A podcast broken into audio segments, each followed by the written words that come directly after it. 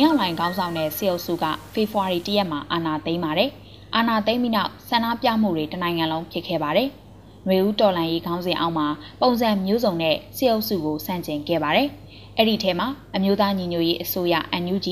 သူ့ရဲ့ခေါင်းကင်ဖြစ်တဲ့အမျိုးသားညီညွတ်ရေးအတိုင်းအမြံကောင်စီ NUCC တို့လည်းပါဝင်ပါတယ်။ဒီအစုအဖွဲ့ဟာစေအုပ်စုကိုနိုင်ငံတကာတန်တမာရေးတိုက်ပွဲနဲ့လက်ကျက်တမေစီလို့ဆိုတဲ့တရားဝင်မှုတိုက်ပွဲတွေနဲ့စစ်မျက်နှာဖွင့်ထားပါတယ်။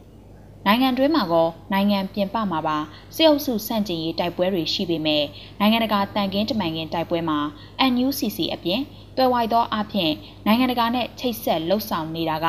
CSO ဆိုတဲ့အရက်ဖက်အဖွဲ့အစည်း၊ကွဲပြားသောလူမျိုးရေးအခြေပြုအင်အားစုတွေလူနည်းစုအခွင့်အရေးတောင်းဆိုနေတဲ့ minority အင်အားစုတွေရှိနေပါတယ်။သူတို့ဟာစေအုပ်စုကကျူးလွန်တဲ့အမျိုးမျိုးသောရာဇဝတ်မှုတွေ အခွင့်အရေးဆိုင်ရာတောင်းဆိုချက်တွေကပြီးနိုင်ငံတကာတရားရုံးတွေကတဆင့်နိုင်ငံတကာကိုချိတ်ဆက်နေကြပါတယ်။ဒါအပြင်ကုလသမဂ္ဂရဲ့အထူးတန်တမန်တွေအကြောင်းအရာအလိုက်စီရင်ခန်းစာတင်သွင်းသူတွေကိုလည်းဓာတ်ရိုက်နည်းနဲ့ချိတ်ဆက်ထားကြပါတယ်။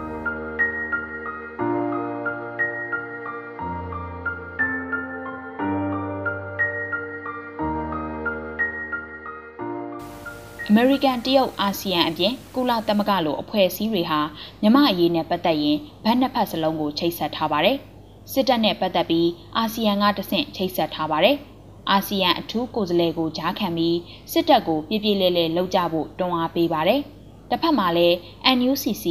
NUG တို့ကဆေလွတ်တဲ့ဥကြော်မိုးထွန်းလိုလူကိုကုလသမဂ္ဂမှာထိုင်ကုန်ပေးပြီးတရားဝင်မှုရှိကြောင်းလက်ခံပြထားပါတယ်။ ဒီကတဆင့် NUCC NUG ကိုပြပြလဲလဲလှုပ်ကြဖို့ဖိအားပေးပါတယ်။နှစ်ဖက်စလုံးကိုကိုဗစ်ကြောင့်မြန်မာပြည်သူတွေထိခိုက်မှုကိုကူညီမယ်။လူသားချင်းစာနာမှုအကူအညီတွေကိုဆက်ပေးမယ်ဆိုပြီးပြောထားပြန်ပါသေးတယ်။မြန်မာပြည်ဒီမိုကရေစီထွန်းကားရေးနဲ့ငြိမ်းချမ်းရေးကိုလိုလားကြောင်းကိုလည်းဒီဇိုင်းမမတ်ထုတ်ပြန်ပေးနေပါတယ်။ဒီလိုလှုပ်ဆောင်တာဟာစေအုပ်စုနဲ့အတိုက်ခံအင်အားစုအကြားစိစက်ညှိနှိုင်းရေးဖြစ်ထွန်းလာအောင်လှုပ်ဆောင်နေတာပဲဖြစ်ပါတယ်။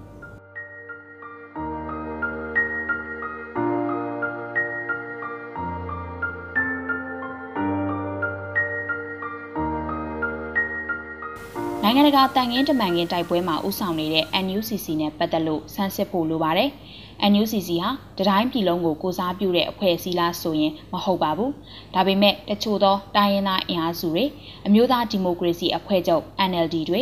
NLD နဲ့နှီးဆက်သူတွေဖွဲ့စည်းထားပြီးပြည်တွင်းလူထုအများစုကလက်ခံထားတဲ့တော်လှန်ရေးအင်အားစုကြီးဆိုရင်တော့မှန်ပါတယ်။ ဒါပေမဲ့ NUCC မှာဘသူတွေဘလို့ပုံစံမျိုးနဲ့ပါဝင်ဆောင်ရွက်နေတဲ့ဆိုတာကိုတော့အတီအလင်းထုတ်ပြန်ကြေညာထားခြင်းမရှိပါဘူး။ NUCC ဟာထုတ်ပြန်ချက်တွေအရပြောဆိုချက်တွေအရ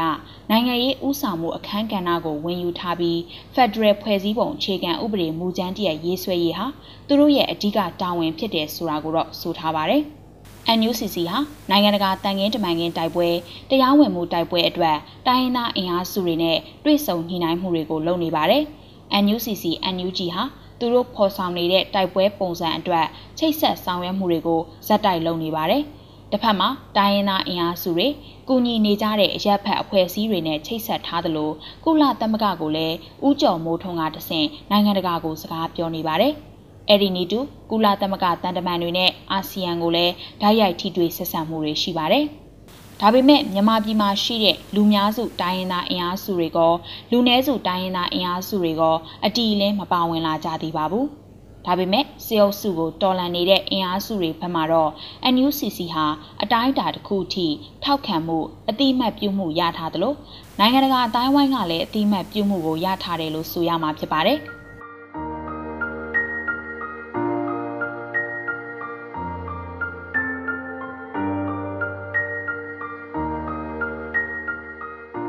စစ်အုပ်စုဟာအာဏာသိမ်းပြီးနောက်ရွေးကောက်ပွဲပြန်လုပ်ပေးမယ်လို့ကြေညာတဲ့အတွက်နိုင်ငံတကာကဆက်ဆံရေးတကားပေါက်တချို့ဖွင့်ပေးခဲ့ပါတယ်။အာဆီယံကတဆင့်ဖွင့်ပေးခဲ့တယ်လို့ကုလသမဂ္ဂရဲ့အထွေထွေသောတန်တမန်တွေကတဆင့်ဖွင့်ပေးထားခဲ့ပါတယ်။ဒါပေမဲ့စစ်အုပ်စုရဲ့လုပ်ရက်ကိုအကန့်အသတ်ဖြစ်အောင်အတွက်ကုလသမဂ္ဂမှာထိုင်ကုန်မပေးခဲ့ပါဘူး။ဒီထိုင်ကုန်မပေးမှုကိုတစ်ချိန်လုံးစေအုပ်စုလောက်ရက်ကိုမျက်ွယ်ပြူထောက်ခံပေးခဲ့တဲ့တရုတ်ကိုယ်တိုင်ကလက်ခံပေးခဲ့ပါတယ်။ ဒါဟာမြမအရေးနဲ့ပတ်သက်လို့စိစက်ညှိနှိုင်းရေးကိုတွန်းပို့နေတဲ့အမေရိကန်အပါအဝင်ကုလလိုအဖွဲ့အစည်းမျိုးနဲ့တရုတ်ကတသဘောတည်းဆိုတာကိုပြတာလည်းဖြစ်ပါတယ်။နိုင်ငံတကာမျက်နှာစာမှာ NUCC NUG က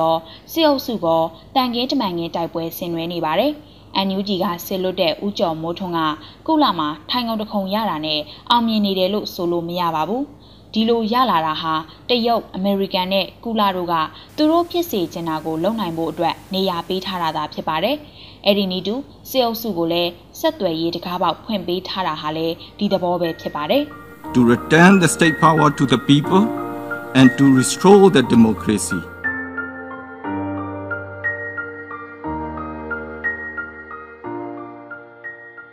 ပြည်ရင်းတော်လှန်ရေးအင်အားစုတိုင်းရင်းသားအင်အားစုတချို့နဲ့နိုင်ငံတကာအသိအမှတ်ပြုမှုတွေကြောင့် NUCC NUG ဟာအတိုင်းအတာတစ်ခုထိတရားဝင်မှုကိုရရှိထားပါတယ်။အဓိကကစားနေတဲ့နိုင်ငံတကာတန်ငင်းတမန်ငင်းတိုက်ပွဲမှာဒီအခင်းကျင်းဟာနိုင်ငံအကြက်တဲကိုဖြည့်ရှင်းဖို့အတွက်ပြည်စုံလုံလောက်ပြီလားဆိုတာဆုံးဖြတ်ချိန်တန်ပြီဖြစ်ပါတယ်။နောက်ထပ်အရေးကြီးတာကတော့တော်လန်ရေးဟာတန်ကင်းတမန်ကင်းတိုက်ပွဲဖော်ဆောင်နေတာမဟုတ်ဘူးဆိုတဲ့တစ်ချက်ပါ။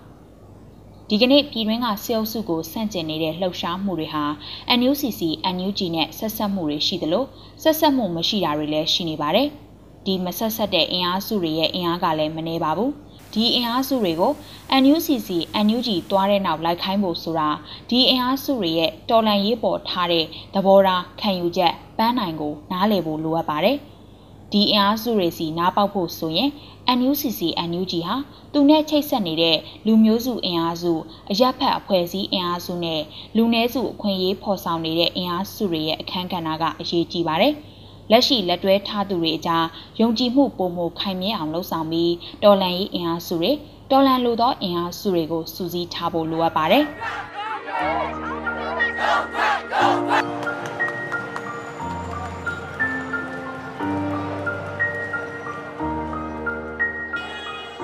ဒီကနေ့ຫນွေဦးတော်လိုင်းရေးဟာစစ်အာဏာရှင်စနစ်အပိတိုင်ပြတ်သုံးရေးဖက်ဒရယ်ပြည်ထောင်စုတည်ထောင်ရေးအတွက်သာဖြစ်ပါတယ်။ဒါဟာရေရှည်တိုက်ပွဲလည်းဖြစ်ပါတယ်။ဒါပေမဲ့ရေရှည်တိုက်ပွဲမှုအထိမနာရေးကိုထည့်တွက်ရမယ်ဆိုတဲ့စဉ်းစားချက်တွေကလည်းတော်လန်ရေးအင်အားစုဘက်အထူးသဖြင့်နိုင်ငံရေးဥဆောင်မှုအခမ်းကဏ္ဍမှာခုံဝင်ယူထားသူတွေဘက်မှရှိနေပါတယ်။ဒီအထိမနာရေးစဉ်းစားချက်ဟာအမေရိကန်တရုတ် ကုလအာဆီယံနဲ့နိုင်ငံတကာကဇက်သွင်းဖို့စ조사နေတဲ့စိစက်ညှိနှိုင်းရေးကိုပို့ပြီးတော့ဓာတ်ကြလာစေပါတယ်။နိုင်မြင်းကိုလောင်းဖို့နိုင်ငံတကာကစောင့်ကြည့်နေတာမို့လို့ဆိုတဲ့စင်ကြေပေးမှုတွေက